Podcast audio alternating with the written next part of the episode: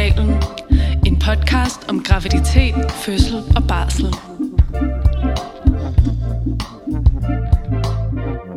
Nå Frede, så er vi simpelthen i gang med årets første helt normale Fødselskanalen-episode. Ja, det er jo øh, nyt år, og øh, også lidt nogle nye tendenser, vi har lagt øh, for, for året. Øh, så, øh, så der kommer ikke helt ligesom mange ordinære episoder. Det betyder også, at det her er den første. Og det, øh, det er sådan lidt syret. Det er det. Og så har vi jo valgt et sådan rimelig hardcore medical emne, som vi skal snakke om i dag. Og det skal der jo være plads til. Ja, det er sådan et øh, emne, som jeg tror, vi bare sådan ikke har taget før nu, fordi at vi tænkte, ja, hvad er det overhovedet, er det overhovedet noget, eller sådan noget. Så det er jo meget sådan et øh, emne, som relaterer sig til lægernes arbejde mere, end det egentlig relaterer sig til jordmødernes arbejde. Men jeg kan jo godt lide, at vi også er en podcast, der på en eller anden måde kan øh, sende information ud øh, til alle, der er gravide, og har, oplever et eller andet deres graviditet, som de godt kunne tænke sig at vide noget mere om. Så, øh, så i dag skal vi snakke om leverkløe. Ja, og vi har jo faktisk, synes jeg, igennem årene fået ret mange beskeder fra ja. lyttere, som har bedt os om at tage det her emne op, og hver gang har vi været sådan, ja, ja, det er, det er på tegnebrættet, og det har også været på vores to-do-list hele tiden, men det er ligesom bare blevet ved med at stå på plads nummer 10. Tror du, det er, fordi vi synes, det er lidt kedeligt måske? Det tror jeg, ja. Ja. Det, øh, altså, det er det jo lidt. Og jeg vil sige, sådan, måske vidste vi heller ikke helt nødvendigvis, eller nu lader jeg som om, men vi vidste faktisk overhovedet ikke, Nej, hvad det var. nej. Altså, det, Det er er noget, vi rigtigt. arbejder med. Leverklø, hvis man ikke ved, hvad det er, så er det ligesom øh, noget, der kan ske, når man er gravid, så kan man opleve, at ens lever bliver påvirket, og så begynder man at klø på kroppen, og det er typisk i hænder og fødder. Det er bare sådan helt kort, vi skal selvfølgelig dykke meget mere ned i det her. Men øhm, en kløe, der stammer fra, at leveren ligesom begynder at være påvirket af graviditeten. Og det vidste vi jo godt, at det var det, der skete, Ja. og øhm, vi har også ligesom mødt masser af gravide igennem tiden, som har oplevet det her, og ligesom givet dem vejledning, og fået nogle læger til at tage nogle beslutninger om, hvad for noget medicin de skulle have osv. Men jeg har aldrig nogensinde tænkt over, hvad er det egentlig, der får den her lever Altså, hvad sker der fra leveren bliver påvirket til, at Nej. hænderne begynder at klø? Nej, og det, det er nok, fordi det er et sted, hvor vi bare arbejder meget under lægerne, så vi siger bare, hvad vil du gerne have, jeg skal stille op med den her person, og så gør vi ligesom det i forhold til andre områder, hvor vi jo er meget selvstændige, så er det her sådan et, et klassisk eksempel på, at vi jo øhm, ikke er læger, men er jordmødre og er uddannet til at varetage den spontane, ukomplicerede graviditet og fødsel. Det er virkelig rigtigt. Altså, det er jo måske også derfor, at det ikke sådan tænder os helt vildt, det her emne, ja. Fordi at vi jo har valgt, at vi gerne vil uddanne os inden for sådan naturlige processer i kroppen, og, og støtte folk igennem en graviditet og fødsel, men ikke... Altså, det er jo sådan et tidspunkt, hvor vi får en meget sygeplejerske-agtig funktion på vores arbejde, hvor at vi ikke skal tage nogle selvstændige beslutninger, og ligesom skal bare lave nogle undersøgelser, og så skal vi rapportere dem til en læge, som så skal lægge en plan og give den til os og patienten. Ikke?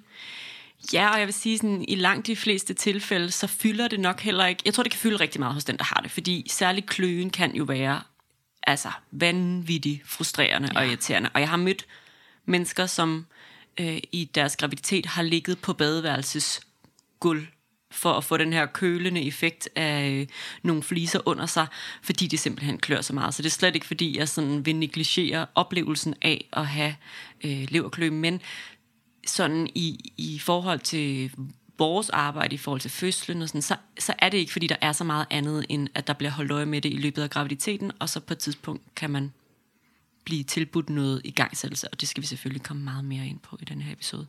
Ja, det er jo nok også desværre noget af det, man vil opleve, hvis man ligesom er en af dem, der begynder at klø, at vi ligesom undersøger, om der er noget farligt, og så er det lidt sådan et forsøg på at få den her klø væk, men mm. nogle gange er der ikke så meget at gøre, og det er jo bare det værste, Ja, når man klør på den klart. måde der.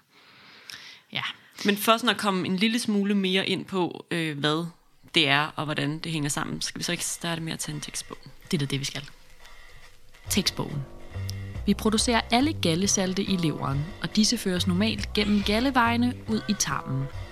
Nogle gravide vil opleve, at graviditeten overbelaster leveren, og det er svært for gallesaltene at komme igennem gallevejene.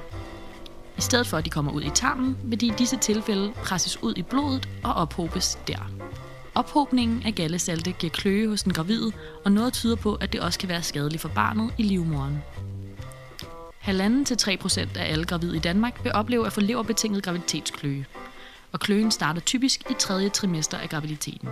Kløen er kendetegnet ved at begynde i håndflader og fodsåler, men det kan sprede sig til resten af kroppen. Leverpåvirkningen og kløen forsvinder typisk inden for et par dage eller uger efter fødslen. Så, som I nok kan fornemme, så er det, der er vores emne i dag, øh, det, som jeg aldrig kan huske, om hedder graviditetsbetinget leverklø eller leverbetinget graviditetsklø.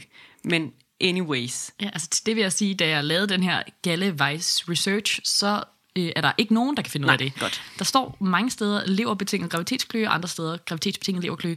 Og det, øh, det er jo fordi, det er betinget af begge dele. Ja, Man skal ja. jo være gravid og have en lever. Så øh, men det, som jeg synes, der fremgår meget fint af tekstbogen, er, at lidt ligesom andre sygdomme, som man kan have i graviditeten, og som er betinget af graviditeten, så er det det her med, at kroppen på en eller anden måde bliver ekstra belastet af at være gravid. Altså af, at der er et foster, der fylder dig inden, at det rykker rundt på nogle organer, at det ligger og trykker på nogle organer. Og så er der nogle enkelte, der vil opleve, at det bliver for meget for de pågældende organer, øh, i det her tilfælde leveren og leverens funktion, og så sker der ligesom sådan en kædereaktion af nogle ting, som gør, at man, øh, man får den her sygdom, som det jo er, som er jo sådan en eller anden form for graviditetssygdom.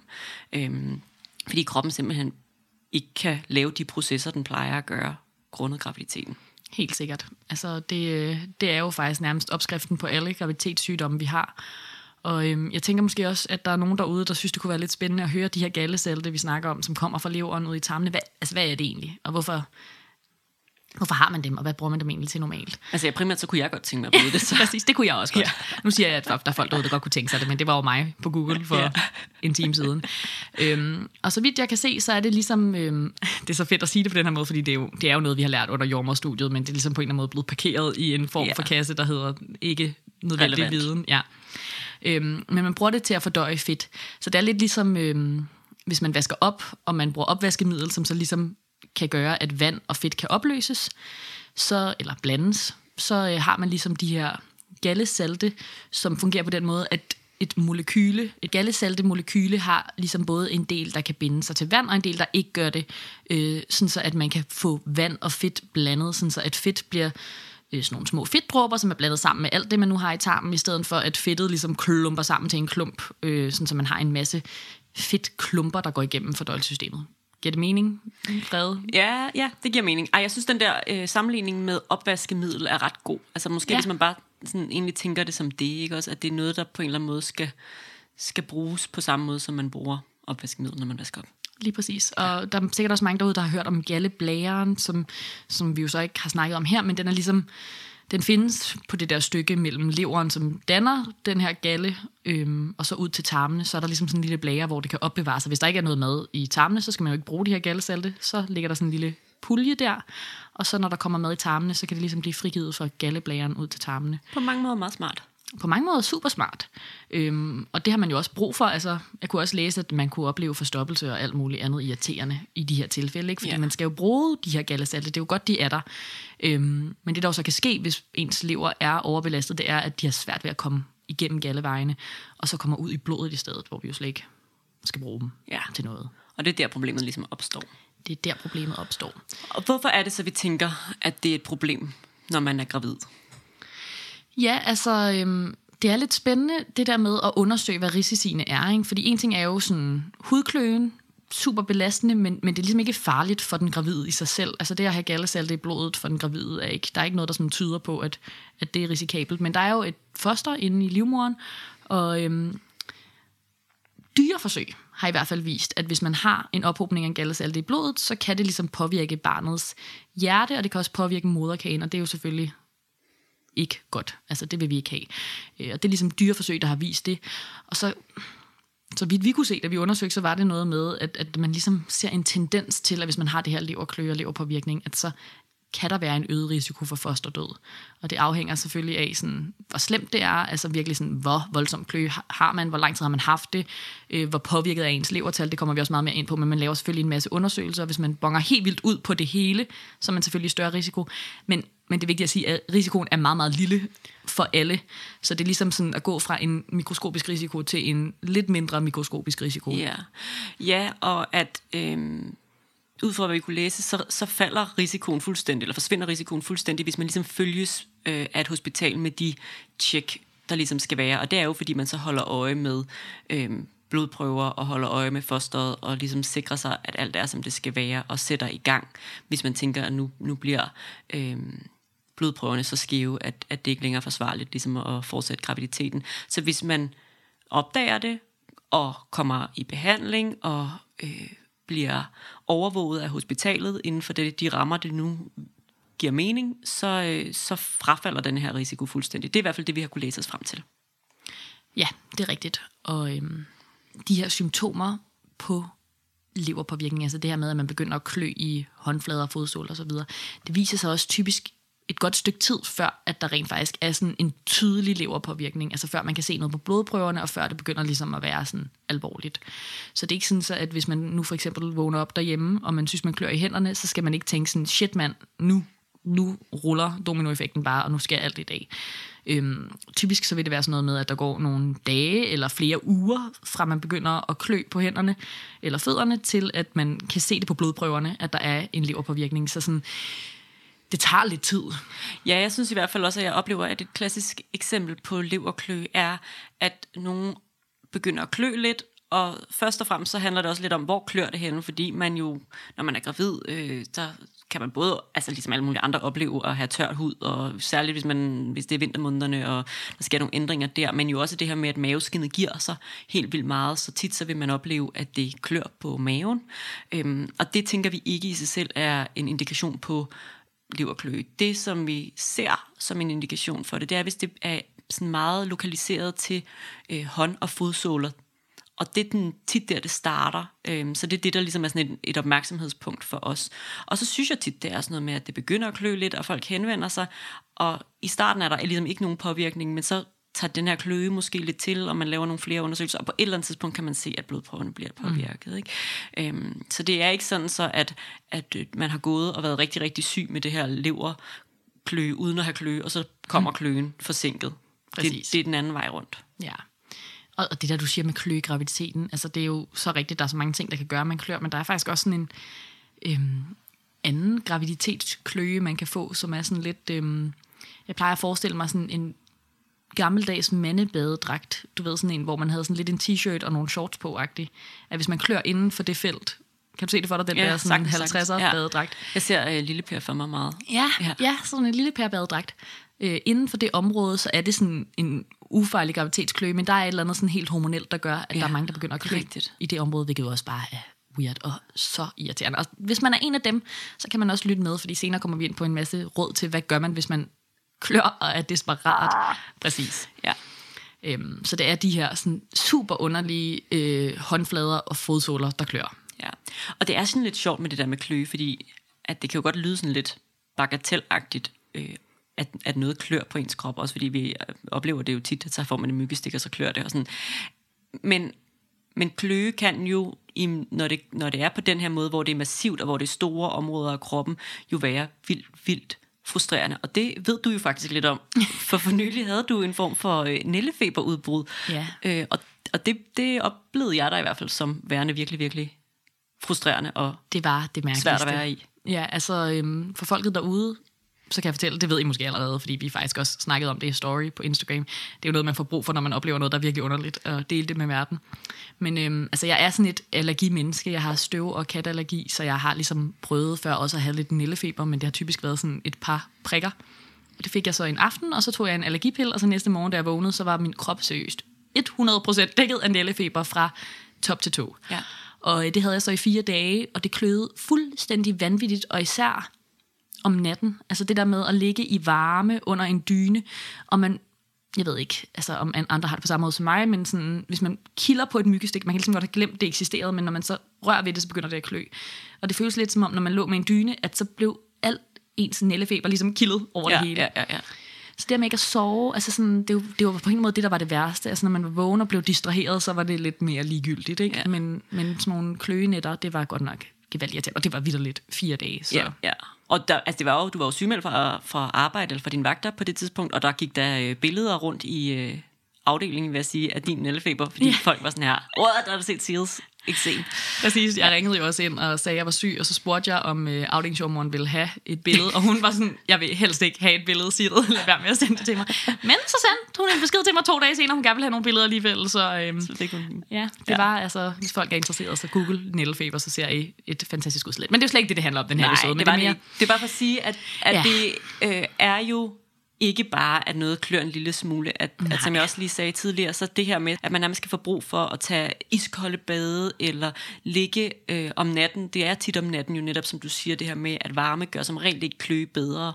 Så det her med at, at lægge sig ud på et badeværelsesgulv, eller mm. altså smøre sig fuldstændig ind i creme, og ligge sådan, du ved, uden dyne på, så vi får håb om, at noget køler en en lille smule ned, eller vil bare sådan lindre kløen en lille smule. Altså det, det er jo det er jo igen, når der er noget med ens krop, som, som får en lyst til ikke at være i ens krop, så er det jo bare benhårdt, og mm. særligt jo når man er gravid, fordi alting bare er en lille smule hårdere, når man er gravid. Ja, præcis, det er så rigtigt.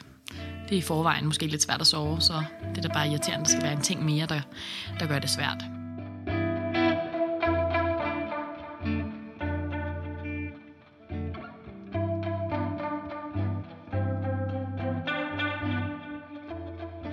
Så er der jo også bare elementet af bekymringer oveni. Altså det Ja. er jo sådan, fordi at en ting er ligesom, hvis man klør for noget, man ved er fuldstændig ufarligt, men det der med, at man ligesom får at vide, at det også er vigtigt, at vi holder øje med barnet. Altså at man ligesom Ja. også får en masse tjek, hvor der bliver øhm, undersøgt, at barnet har det godt. Det, det skaber jo selvfølgelig en tryghed, men det skaber jo også en bekymring, når gør man det så ligger klart. der og klør. Og det er jo altid sådan en overvejelse, vi har, især fordi det øh, virkelig gik op for os, da vi læste op på det her, at det er meget sådan noget, der er nogen, der mener, at der måske er en lille smule øget risiko for intrauterin fosterdød, altså at barnet dør inde i maven.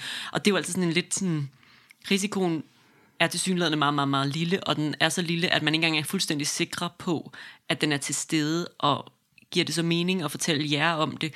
På den anden side ved vi også, at I er nogle hæftige googlere derude, og øhm, hvis I googler det, og der kommer risiko for interuterin fosterdød, så er vi ligesom lige vidt. Så vi mm. synes egentlig, at vi ville fortælle jer om det, sådan så at det var her, I fik beskeden, og måske også kunne få det på en måde, hvor I godt kan se, at det, det er ikke fordi, at, øh, at fordi du oplever, at det klør en lille smule i din håndflade, så, øh, så er dit barn i overhængende livsfare. Nej. Og, og jeg tror, du har helt ret, at det er sådan... Det er noget, man vil møde. Altså, det står over det hele. Og, og det, der jo er sådan lidt djævelsk ved hele føde graviditetsområdet, det er, at det er jo sådan en ting, der tit vil stå. Altså, det er lidt ligesom, hvis man googler symptomer, man selv har som ikke-gravid menneske, så vil der også tit stå et eller andet sted, at det her det kunne være et tegn på cancer. Og så tænker man, det var da irriterende. Ja. Og det er, jo, det er jo sådan lidt som om, det er graviditetens version af det. Og vi har jo sådan de studier, vi nu engang har, er jo den bedst tilgængelige viden, men, men der vil tit være øh, nogle andre risikofaktorer. Altså det er jo noget med, at nu mere belastet kroppen er, nu større risiko er der for, at man får det her leverpåvirkning også. Ikke? Så for eksempel, hvis nu man nu er gravid med tvillinger, så er kroppen også mere belastet i forvejen, og så kan det være, at risikoen er øget på grund af det. Og sådan. Så, så der er mange ting, der ligesom bliver blandet sammen, og øhm, det er bare sådan, det er, vi har jo sagt det rigtig, rigtig mange gange i den her podcast i forvejen, der er ikke noget viden, som er sådan perfekt viden, og det er aldrig et studie, der er lavet på dig og din krop. Så det er noget med, at det er den mest bedst tilgængelige data, vi har, og det er det, vi kan fremlægge for folk. Ja, og det er bare forskning i en nødskal inden for graviditet og fødsler, at man kan ikke lave øh, kontrollerede studier på jer. Det ville vi heller ikke ønske, at man kunne. Men det gør bare, at den viden, vi har, er databaseret, så det er, øh, hvad vi har set indtil nu, men I er jo alle sammen individer med, med hver jeres ligesom, øh, situation, og det kan man ikke tage højde for i det her. Mm-hmm. Så. Man kommer aldrig til at lave et studie, hvor man siger, så har vi to grupper gravide, og I får medicin, og I gør ikke, hvis man er ret overbevist om, at det ene virker, så er folk ikke sådan super interesserede i at deltage i det studie, nej, når de har et nej. barn i maven. Ikke? Og det, det vil slet aldrig komme på tale, altså, Nej. at lave det studie. Så. Ja, well, well. Well, well. Nok om det. Jeg tænker, at øh, det kunne give mening nu at snakke lidt om, sådan, nu siger vi det her med, at der er nogle risici og så videre, at tale lidt om, hvad er det for nogle undersøgelser, vi laver? Altså, hvad sker der? Man har fået kløe i hænder og fodsåler, og øh, nu begynder man ligesom at blive fuldt lidt tættere end alle andre gravide. Og øh, det første, vi kan starte med at snakke om, det er jo altså, blodprøver. Vi Ja, kommer det er til at tage ligesom en central ting. Præcis. Vi kommer til at tage en hel masse blodprøver, og det er jo det her med, at, at nogle gange har man kløen, men der er stadig ikke nogen sådan leverpåvirkning endnu, som er sådan tydelige blodprøver. Øhm, og øh, andre gange, så er det ligesom noget, der begynder sådan at udvikle sig stille og roligt. Altså, der begynder at være en leverpåvirkning, så vi vil gerne holde øje med, sådan bliver det værre og værre. Så man vil faktisk typisk få taget blodprøver en gang om ugen. Så tit. Ja, og tit i den forbindelse vil man så også få kørt en kurve. Øh, så det er sådan ligesom en, en pakkeløsning, det er, at vi holder øje med den gravide ved at tage blodprøver, og vi holder øje med barnet ved at køre sådan en øh, hjertelydskurve, en CTG. Øhm, Og det vil man så gøre en gang om ugen, og det er jo også det, det er jo endnu en ting, som kommer til at påvirke øh, ens graviditet. Altså udover at der er den her kløe, som kan være irriterende, så det at blive fuldt med tjek en gang om ugen, er jo relativt meget i forhold til, hvad vi normalt vil gøre med en gravid. Så det der med, at man kan ikke bare få lov til at nyde sin barsel og, øh, og vaske tøj, eller hvad man ellers gør, vaske babytøj. Man, man bliver ligesom nødt til at hele tiden blive konfronteret med det her, nu skal jeg ind, til, ind på hospitalet og ind og have en form mm. for tjek. Og når man laver en form for tjek, så forestiller mig i hvert fald, at der også er, er en bekymring for, hvad vil det her tjek så ligesom vise? Øh, vil mine blodprøver have ændret sig siden sidst? Øh, nogen vil måske også opleve, at det bliver en form for så er det bare sådan, det er, og de kommer, og deres blodprøver bliver ved med at være sådan relativt øh, ok, og der er ikke de store udsving, og altså, så bliver det måske en mindre detalje. Men jeg tror, for nogen vil det kunne fylde ret meget. Ja, det tror du er helt ret i, og, og der er jo også nogle gange ret meget ventetid, når man kommer ind på sådan en fødemodtagelse. Yeah. Især når det er sådan et, nu siger jeg standard check, men det er jo sådan en tid, der er booket. Det er ikke fordi, man kommer ind akut med en eller anden problematik med noget blødning eller noget, så man kan godt risikere at ligesom komme bagerst i køen. Så det er noget med virkelig at finde mange gode, spændende bøger, man kan læse i det venteværelse og så videre. Ikke? Og, Ja. Hvis man også går til almindelige jordmorkonsultationer stadigvæk, og måske går til noget fødselsforberedelse osv., så kan det blive sådan en total fuldtidsbeskæftigelse og Ja. øh, holde øje og gå til tjek og få viden om ens graviditet. Øhm, men du har helt ret, man gør de der to ting. Der er blodprøverne, og så er der hjertelydskurven, og så vil der ligesom også typisk være deciderede scanninger. Øhm, og det kan være sådan lidt forskelligt, hvor ofte man gør det. For nogen vil det være hver uge, hvis man begynder at se, at der er sådan en reel leverpåvirkning, øh, og for andre vil det være hver anden eller hver fjerde uge. Det, er sådan, det kan se ud på mange forskellige måder, hvor man selvfølgelig holder øje med, at barnet vokser, som det skal, og også at der er blodtilførelse til hjernen, som der skal være, og at der er en god mængde fostervand. Altså man laver sådan fuldstændig gennemtjek af alt er, som det skal være. Ja, og det er jo her, at risikoen så for, at der skal ske noget med det her barn, falder, fordi vi holder rigtig, rigtig godt øje med dem. Præcis. Øhm, og som du siger, så varierer det meget, det her med, sådan, hvornår, hvor, hvornår og hvor ofte bliver man scannet i graviditeten, men det er igen med afsæt i de her blodprøver, så det er ligesom blodprøven, der hele tiden definerer, hvor, hvor befinder vi os på skalaen af det her leverkløe. Er det i den milde grad, eller er det i den mere ekstreme grad? Ja, det er så rigtigt. Og så er vi virkelig grundige med at sige, at man skal mærke normalt liv for barnet. Og det er jo en ting, der gælder for alle gravide. Øh, at man skal mærke barnet bevæge sig tydeligt mange gange om dagen. Og hvis man oplever, at der er en dag, hvor man ikke mærker noget, eller hvor det sådan er væsentligt anderledes, så skal man reagere og ringe ind til fødeafdelingen. Men det er ligesom noget, der vil blive i talsat, og det vil ja. blive sagt flere gange, når man har det her leverpåvirkning, øhm, som jo også er en måde at være sikker på, at barnet har det godt, hvis man mærker masser af bevægelser derhjemme. Ikke? Klart. Så øhm, have lidt kortere lunde. Altså er man i tvivl, har man leverkløe, og er man i tvivl derhjemme, sådan, mm, ah, skal jeg lige give det nogle timer mere, og måske har jeg faktisk mærket mit barn, måske havde jeg bare travlt i dag, og så videre. Bare sådan, bare ring. Altså, Ja. gør, det, gør det hurtigere, end, end man ellers ville gøre. Ja. Øhm, måske skal vi også lige kort nævne, at for nogen øh, vil de her check-ups øh, inkludere fastende blodprøver. Øhm, og det er igen sådan en vurdering. Langt de fleste tilfælde vil normale blodprøver øh, kunne give os en rimelig god indikation over, hvor vi er henne, men, men fastende gallesalte, som det hedder, er ligesom en, en ligesom udvidet undersøgelse, øh, og det er igen noget, lægerne ligesom vurderer, hvornår giver det mening at tage dem, hvornår giver det ikke mening. Men det kan jo også fylde, fordi det at være fastende, når man er gravid, ikke er specielt fedt. Altså, det er sådan noget med at være fastende hen over natten, og så få dem taget tidligt om morgenen, men, men det i sig selv med at skulle øh, ligesom have sådan en restriktiv spisning, når man er gravid, er ikke det fedeste, og det er måske heller ikke, hvis man sover rigtig dårligt om natten, det fedeste at skulle være meget, meget tidligt på et sygehus. Det er, det er så rigtigt. Nu har vi snakket lidt om de undersøgelser, man laver. Så kunne vi snakke lidt om behandling, som jo mest er symptombehandling. Altså det, øh, man kan sige, man er jo gravid, så længe man er gravid. Man kan selvfølgelig sætte i gang på et tidspunkt, det kommer vi også til. Men, men mest altså handler det om på en eller anden måde at prøve at få den her kløe til at være udholdelig. Ja. Og øhm, en del af det er medicin, men der er også selvfølgelig nogle tips, som vi kan komme med lidt senere. Men hvis vi starter med sådan en fuldstændig hardcore behandling, du får fra sygehuset, så vil langt, langt, langt de fleste, der har leverkløe, blive opstartet i noget, der hedder ursokol eller ursofalk. Det er samme præparat som er noget medicin, som ligesom hjælper med at omsætte de her gallesalte. Og typisk så vil det hjælpe på kløen rimelig hurtigt. Der kan godt gå nogle dage eller en uge, men de fleste vil faktisk opleve, at kløen bliver meget bedre, eller går helt væk, hvis man er rigtig heldig. Det vil jo være dejligt. Men man skal ligesom stadig komme til de her tjek, fordi vi stadig skal holde øje med, hvordan ser leverpåvirkningen ud. bliver levertallene ved med at være? Bliver de, som de har været, eller bliver de værre?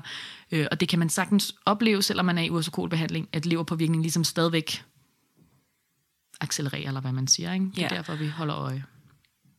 Og der er jo stadigvæk, altså man er jo lidt stadigvæk, som du siger, det er meget symptombehandling, så man er jo lidt stadigvæk syg inde bagved. Øhm, så selvom det hjælper en lille smule på de her øh, gallesalte, så er det ikke sådan helbredende.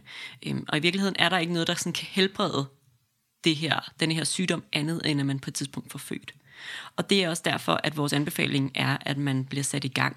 Og hvornår man ligesom bliver anbefalet at blive sat i gang, vil variere. Øhm, de fleste tilfælde vil det være et eller andet sted mellem uge 37 og uge 38. Har man øh, en meget let udgave af det her, kan man godt skubbe det sådan frem til termin, men de færreste vil i hvert fald blive anbefalet at, at gå over termin. Mm. Øhm, og så vil der være nogen, som har det i så ekstrem en grad, at man vurderer, at det simpelthen er bedre at få barnet ud. Og det kan for eksempel være, at man så allerede bliver sat i gang omkring uge 34. Ja. Men igen, altså, så, er, man, så er barnet jo på en eller anden måde ikke færdig kogt derinde, eller færdigbagt. Det vil sige, at det normale tidspunkt i en graviditet og føde er jo fra uge 37, og derfor så sætter vi jo meget nødigt i gang før uge 37. Men der er jo altid øh, i alle, ligesom med alle sygdomme, er der altid de der helt grælde eksempler, og de kan risikere at blive sat i gang allerede fra uge 34. Ja, og det er jo igen det her med, at man ikke vil sætte noget. Altså man vil ligesom sikre sig, at der kommer et barn ud, som har det godt. Jeg vil sige, at jeg har aldrig oplevet nogen, der er blevet sat i gang, før terminsperioden er gået i gang. Så det er jo meget sådan en, og det er jo måske igen, vi er også på et lille fødested, mm. så på den måde så øh, er vores erfaringsgrundlag også nogle gange en lille smule mindre, end hvis man havde været Rigshospitalet. Klart. Men, men det er ikke noget, vi ser så tit. Altså, og generelt så er leverklø ikke noget, altså det er noget, vi møder, og det, det er ikke fordi, det er en sjældenhed, men, men det er jo ikke noget, vi møder hver dag eller hele tiden, eller som er et kæmpe problem. Det er som sagt kun øh, halvanden til 3 procent af gravide, der oplever det, så det er jo en lille del. Mm, det er det.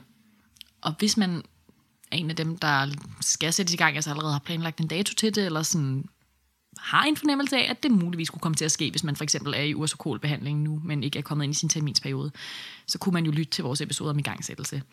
Øhm, og vi snakker jo meget om fordele og ulemper ved igangsættelse, hvordan sådan et forløb ser ud og så videre, men man skal jo virkelig sådan genoverveje, hvis der ligesom er en, en sygdomsindikation, øhm, så kan der selvfølgelig være noget med, hvilken måde man bliver sat i gang, og om man skal trække det nogle dage, om man kan lave nogle andre undersøgelser osv., men, men det er ligesom lidt noget andet end øh, at sætte i gang på grund af gravitetslængde for eksempel. Ja, klart.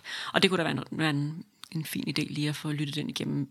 Primært fordi man så får noget information til også at kunne, kunne være med i den her beslutningsproces om, hvornår er det gode tidspunkt, så og kan måske også spørge ind til lægerne, altså hvad vil, er det virkelig sådan, nu I synes, der er det rigtige tidspunkt, eller vil vi kunne trække det nogle dage, eller uh, altså at man kan være med i samtalen omkring den her igangsættelse, og man ikke bare sådan føler, at der bliver trukket noget ned over hovedet på en. Men jeg er fuldstændig enig i dig, at lige så snart vi er her, hvor der er noget sygdom involveret, så er der en anden god grund til at takke ja til denne her igangsættelse. Så, øhm, så, så er der ligesom lidt mere på den der vægtskål omkring fordele og ulemper. Så er der lidt flere fordele, end, end der måske er ulemper øh, ved at blive sat i gang.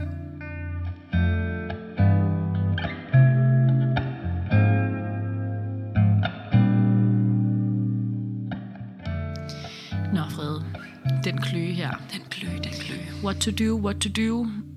Altså, øhm, vi kan jo starte med at sige, at typisk så vil man opleve det værst om natten. Og nu var jeg også lige inde på min, mit lille nællefeber-trip, hvor jeg havde det helt forfærdeligt om natten. Men der er jo et eller andet med den der varme. Og nu mere kulde man ligesom kan opsøge, nu bedre er det tit. Øhm, ja, og så vil man også, altså, man vil også typisk opleve, at det bliver værre med tiden. Altså det er de færreste, der ligesom får kløe i hænder og fødder, og så er det på samme stadie resten af graviditeten. Det er typisk sådan en ting, i hvert fald hvis man ikke kommer i medicinsk behandling, som bliver mere og mere. Det er jo dejligt. Ja, Øhm, skønt. Men kan til gengæld, sådan, det, det kan også måske være meget rart at vide, det har vi ikke sagt noget om, men det er ikke sådan, at der kommer et udslæt. Altså det er ikke sådan et, Nej, det er en, rigtigt. hvor man vågner op, og så har man sådan nogle helt brændende, røde, mærkelige håndflader og fodsåler. Altså hvis man krasser helt vanvittigt, så kommer der selvfølgelig nogle krassemærker, men, men der er ikke sådan knupper eller et eller andet Altså, underligt. Ligesom sådan usynlige ting, det er også ret sjovt egentlig. Det er så mærkeligt. Ja. Det er så mærkeligt. Altså det er bare, altså det er bare, det, det klør bare. Man kan ikke se noget, du, ved, du kan ikke vise folk og være sådan her, kan du se, hvor meget det klør? Fordi mm. det, er, det er noget, der opleves inde i dig, men ikke noget, der sådan er synligt nødvendigvis for andre, med mindre, som du siger, at man går amok øh, med sine negle. Det er rigtigt. Det er svært at sige, hvad der egentlig er bedst eller værst, ikke? fordi at man vil jo gerne undgå et udslæt, hvis man kan, men nogle gange er det selvfølgelig også meget rart, det der med. Det synes jeg i hvert fald, det var også derfor, jeg gerne ville sende billedet Ja, af mit udslæt det. til vores Ja. øh, supervisor, fordi jeg havde det sådan, se hvor slemt det her er. Det er ikke bare mig, der klør lidt, som ikke vil på arbejde. Nej. Så nogle gange kan det jo også være lidt frustrerende faktisk, at man er sådan, hvorfor fuck klør det så meget? Der er jo ikke noget, man kan se. Ikke? Ikke? Se, nej. Ja. Men, men du har ret i, det er jo det her med sådan at prøve, hvor meget kulde kan man introducere i sit liv. Så det kan jo være både sådan noget med kolde bade, det kan også være noget med at sove koldt. Altså særligt som du siger, det der med, at det er værst om natten, så kan det give mening at tage et koldt bad, inden man går i seng. Mm-hmm. Og, øhm, og cremer, altså måske sådan kølende cremer også. Jeg forestiller mig sådan noget som aloe vera gelé vil være lækkert, men jeg aner det ikke. Det forestiller mig også. Og jeg, jeg tænker også noget med at sove med et lag i stedet for en dyne. Ja. Altså, det er jo lidt afhængigt af, hvad for en årstid, og hvor koldt det rent faktisk er. Ikke? Men, men det kunne godt være en idé. Øhm, Der er jo altså også nogen, der tager sådan antihistamin, altså sådan en allergipille, og det kan jo godt lyde lidt underligt, for det er jo ikke en allergisk reaktion, men øhm, det kan man godt sådan i samarbejde med lægen prøve kræfter med. Men det kræver selvfølgelig, at man både får lov af en læge og snakke om, hvilken slags det skal være, fordi man er gravid, så man kan jo ikke bare spise hvad som helst, men der er faktisk nogen, der har, Der har effekt af det. ja. Det er jo fantastisk. Og så er der også noget som, som akupunktur, som for nogen kan, kan lindre og hjælpe. Øhm, så det er jo sådan et, det er jo sådan et andet øhm, sundhedsbillede, man ligesom tager ind over, hvor at øh, akupunkturen kan prøve at se, om det kan gøre, hvad det kan gøre, øhm, for at både lindre symptomerne, men måske også bedre øhm, leverkløen. Det er rigtigt. Ja. Det er rigtigt. Øhm, der er også noget med måske at overveje, hvad det er for noget stof, man ligesom altså, har på. Der er jo nogle ting, der klør mere end andre. Jeg forestiller mig lidt, Sådan uldtrøje. at det vil være forfærdeligt. Præcis. Ja. At der er et eller andet med, hvis det, hvis det ligesom er sådan lidt mere let og bomuldsagtigt, at det sikkert føles lidt bedre. Ikke? Det finder man sikkert ret hurtigt ud af, men, øhm, men der er nok forskel. Og så læste jeg også sådan på nettet et tip, som jeg egentlig tænker, altså det har jeg ret tit sagt til folk i sådan dagstid, jeg har ikke overvejet det om natten, men noget med at have en våd klud liggende ved siden af sengen, så man lige kunne, hvis man vågner og bare er super desperat, putte det her på, som jo selvom at kluden jo ikke bliver ved med at være kold, så er det faktisk kølende der, med den lige er lidt våd. Ja. Og så lige tørre sådan hænderne eller armen, eller der, hvor den nu klør. Øhm, og det er noget, jeg bruger ret meget på en fødestue. Hvis man får lagt en epiduralblokade, så er en af de hyppige bivirkninger, det er faktisk, at man får kløe, hudkløe, så kan det godt være meget rart, at man lige at tage sådan en våd klud og lige sådan køre den lidt henover, så man bliver kølet lidt. Det har jeg aldrig tænkt over. Det var Men det er da genialt. Ja, jamen, det har jeg brugt ret meget på fødestuer. Nå. Og nogle gange er det jo også, altså det er jo sådan en kombi, ikke? for det kan også være lidt klamt at have sådan en våd klud liggende på sin mave. Men hvis man virkelig synes, det klør, så kan det jo være meget rart, ikke? Ja. Jeg plejer bare altid at sige, ja, men det er bare sådan der. det er bare sådan der, præcis. Meget øh, lidt løsningsorienteret. Men det, det vil jeg da tage med mig videre. Ja, altså det er jo heller ikke et wonder Nej, ved, middel, vel, men nogle gange så er det jo et eller andet med bare sådan at føle, at man kan gøre noget. Klart. Øhm, så det kunne godt være, at det skulle være en fast rutine at have den, den klamme våde klud liggende ved siden af kolde natten. Ja, Ja. så øhm, der er lidt forskellige... Der er lidt forskellige tips, som man Ja. ja. kan prøve kræfter med, og så vil man sikkert altså, jo også finde sine egne tips, øh, fordi man bare er desperat og prøver, mm. hvad man kan for at finde noget, der fungerer bare en lille smule for en. Man kan også lave sådan en good old Phoebe for Friends og øh, tape sådan nogle oven mitts, hvad hedder Åh, det, ja. ovenhandsker på sine hænder, selvom det sikkert er sådan ret varmt egentlig derinde, ja, Ja, ja. ja. og sikkert klør endnu mere. Så, så undgår man i hvert fald krassemærkerne, hvis man øh, ikke kan styre sig. Måske skal man overveje at klippe sine negle sådan helt korte, Ja, det skal man. faktisk, det er en sådan, rigtig så god man idé. ikke kan klø sådan Præcis, for meget. Præcis, men nogle gange er det også bare fedt at klø. Ja, det er også rigtigt. Altså, jeg føler bare sådan, oh, ja. Det, det kan man også måske have lyst til. Klart, klart, klart, klart. Men, men jo, det er det, det er det gode råd, Frede. Det er det jo. Ja. I forhold til fødslen, skal vi lige, skal vi lige runde den. Mm. Hvad er din oplevelse af øh, folk med leverkløe og fødsler? at det ikke fylder så sindssygt meget under Ja. en fødsel. Der er man ligesom nået til et punkt, hvor man er, altså, jeg tror mest det er den der livskvalitets, altså frustration, hvor man er sådan, skal jeg klø på den her måde i uger under en fødsel, så er det som om, der er nogle andre ting, der fylder. Ja, så man kan sige, det eneste, der, der er i forhold til det, det er, at man tit er sat i gang. Altså fordi det jo er Meget rigtigt. de færreste, der Det er meget rigtigt. går i fødsel 38-0. Der er selvfølgelig nogen, men, men det er flest, der sådan, hvis de skal i gang der, øh, bliver nødt til at blive sat i gang. Jeg oplever til gengæld også, at fordi det har været så frustrerende at klø så meget, så er folk også måske lidt mere indstillet på igangsættelse. Altså, så er man måske nået et sted, hvor man har sådan, det er okay. Ja. Øh, også selvom man i udgangspunktet ville ønske, at man ikke skulle sættes i gang, men at, at det simpelthen er for, for hårdt at, at leve med den der kløe, at man tænker, det, det er fint. Ja, det, det tror jeg, du har meget ret i og så er det eneste, at vi, når vi lige sådan har googlet lidt rundt på de forskellige hospitalers retningslinjer, så kan jeg se, at nogle steder så øh, anbefaler man at køre CTG under fødslen, altså den her hjertelydskurve, og det vil variere lidt. Det er igen den, det her med, hvor, øh, hvor meget har man, ligesom, hvor påvirket er ens blodprøver, øh, hvor svær en omgang af leverklø er det, man har. Så for nogen vil det måske være, at man får kørt sådan en CTG en gang imellem, og ikke hele tiden, hvor det for andre vil være, at man har den på hele fødslen, øh, for på en eller anden måde at holde øje med barnet. Og der kan man sige, vi vender lidt tilbage til det her med, at lige snart du er sat i gang, så skal du også have kurve på.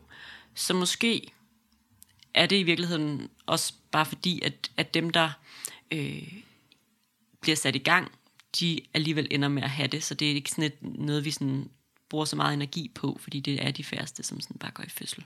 Ja, det betyder selvfølgelig også noget for fødslen. Det gør det. Kan du ret i. Det gør det. Det eneste, jeg kan sådan tænke på, sådan lige sådan fødselswise, ellers det er øhm, K-vitamin. Det er jo efter, man er født, men yeah. umiddelbart efter fødslen, så anbefaler vi, eller Sundhedsstyrelsen anbefaler, at alle nyfødte børn får en indsprøjtning med K-vitamin. Og det er jo en anbefaling til alle, men måske er det især relevant, hvis man har det her leverkløe. Der er noget, der tyder på, at det at have haft en leverpåvirkning kan gøre, at den gravide selv har dannet mindre K-vitamin. Det er noget, man danner i sit tarmsystem. Øhm, så barnet har ligesom været udsat for mindre K-vitamin, så måske er der sådan en endnu mere udtalt K-vitaminmangel. Ja. Øh, altså det er jo sådan lidt, du ved, det er en anbefaling ligegyldigt hvad, så Ja. på den måde betyder det ikke nødvendigvis så meget, men hvis nu man er en af dem, der har gået og tænkt sådan, jeg er ikke sikker på, at øh, jeg skal tage ja til det her K-vitamin til mit barn, så kunne det være, at det gav mening at lige sådan dykke lidt mere ned i det, og lige sådan overveje igen, om, om man vil holde fast i den beslutning, mm. eller om, om man skal tage ja til det alligevel. Klar. Så altså, det føler, det er nogle meget små ting. Altså det er ikke sådan en, øhm, det er ikke sådan en kæmpe game changer for fødslen. Nej, nej, nej, nej. Og så efter fødslen, så er der jo heller ikke rigtig så meget, må man bare sige. Altså, de fleste vil opleve, at kløen går væk, måske allerede efter et par dage. Der kan også gå en uge eller to, men, men typisk så vil det gå ret hurtigt væk. Øhm, og det er jo bare wonderful. Sådan er det med dejligt mange af de her underlige ting, man kan opleve under en graviditet, at så, så bliver det faktisk typisk ret hurtigt bedre. Ja. Det er jo fedt. Det tænker jeg var det, der var at sige om emnet. Jeg tænker ikke rigtig, vi kan sige så meget mere, men jeg håber da klart, at jer, der øh, bliver ramt af graviditetsbetinget leverkløe, har fået sådan en lille smule bedre forståelse for, hvad det er. Yes, og så tænker jeg, at øh, vi lige skal sige en sidste gang, at man jo i hele marts måned kan være med i lodtrækning om et eksemplar af Aydin Suis bog Fædre Ja, og en fødselskanalen kop. og man bare sige, det er altså en rigtig god bog. Og det er en signeret version af den bog. Ja, vi fik ham simpelthen til at gøre det, det. fordi Ja. han selv foreslog det. Så langt havde vi slet ikke tænkt, men det er jo fantastisk. Så fedt. Og øhm, det er simpelthen alle, der donerer til podcasten i løbet af den her måned, som er med i lodtrækningen. Og det er jo en donationsbaseret podcast, det er det, der ligesom holder os kørende, at øh, jer lyttere derude sender nogle penge i vores retning. Det kan være et hvilket som helst beløb. Det vi vil opfordre jer til, det er at stoppe op og tænke, kan I bruge den her podcast til noget, og hvad har I råd til at sende i vores retning? Der er nogen, der donerer med 20 kroner, og der er nogen, der donerer med, hvis vi er ekstremt heldige, 500 kroner. Vi bliver altid helt excited, når der er nogen, der øh, støtter os med sådan et beløb. Det er jo virkelig, virkelig fantastisk. Men det er jo det, der gør, at vi kan købe udstyr, og i slutningen af 2021, de sidste fire måneder, udbetaler vi også en lille bitte, bitte sideløn til os selv. Øhm, Og det er jo helst den retning, det skal gå i, yeah. ikke også? Fordi det skal jo helst være øhm, øh, bæredygtigt koncept for alle. Også, også os små, små jordmøder, der sidder her og taler. Så det, der ligesom er konceptet, det er jo, vi ved jo godt, at det ikke er alle, der har råd til at betale i Ja. dyredom for fødselsforberedelse, så man giver det, man synes, man har råd til at betale. Og så skal man huske, at når man donerer og holder sig i gang, så sørger man jo også for, at der er gratis tilgængelig fødselsforberedelse til dem, der ikke har råd til at donere til podcasten. Det er præcis. Øhm, man kan gøre det ved at gå ind på vores hjemmeside, og man kan også tilmelde sig på tier.dk, altså 10er.dk med et valgfrit beløb. Så laver man sådan et form for abonnement, hvor man selv skriver, det kan for eksempel være 10 kroner, sjovt nok. Det kunne også være 15 eller 20. Øhm, og så hver gang vi udgiver en episode, så bliver der trukket det beløb fra ens konto. Øhm, men ellers så kan man også sende en enkelt donation på hjemmesiden, hvis det er det, man synes er fedest. Ja. Og lige nu udkommer vi jo med tre episoder øh, om måneden, og så kan man jo regne sig frem til, hvad vil man have, have mod på at, at give om måneden. Præcis. Og så kan man jo faktisk også købe vores fødselsforberedelse. Hvis man gør det, så støtter man jo også os. Det er jo også øhm, en måde at gøre det på. Ja, vores fødselsforberedelse kan vi jo måske lige hurtigt øh, runde og sige, at det er jo øh, øh, en form for komprimeret udgave af podcasten i virkeligheden. At hvis man lige har brug for at få brushet det hele op, og lige sådan få få gjort sig selv og måske sin partner klar til den her fødsel, så kan det give rigtig god mening at købe fødselsforberedelsen, hvor man ligesom får sådan en, en helt sådan skåret ind til benet. Hvad er det, der giver mening at vide, inden man skal ind til en fødsel? Præcis. Og mange ting vil man måske kunne genkende fra andre episoder af podcasten, men det her det er sådan ligesom den, den helt lean udgave af det. Ja, det kan være rart at stoppe op og lige få det allervigtigste. Og så kommer vi også med en masse gode redskaber til, hvordan man kan håndtere fødslen. Ja.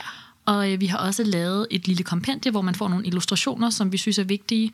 Vi er jo normalt rent lydmennesker, men øh, de illustrationer synes vi er nogle rigtig gode billeder på nogle ting, der kan være rart at få øh, Visuals på. Ja, præcis. Ja. Og nogle samtalekort, som man kan gennemgå med dem, man skal have med til sin fødsel, sådan så at man øh, får snakket lidt om forventninger og øh, forberedt sig sammen ved at ligesom tage nogle vigtige snakke inden. Lige præcis.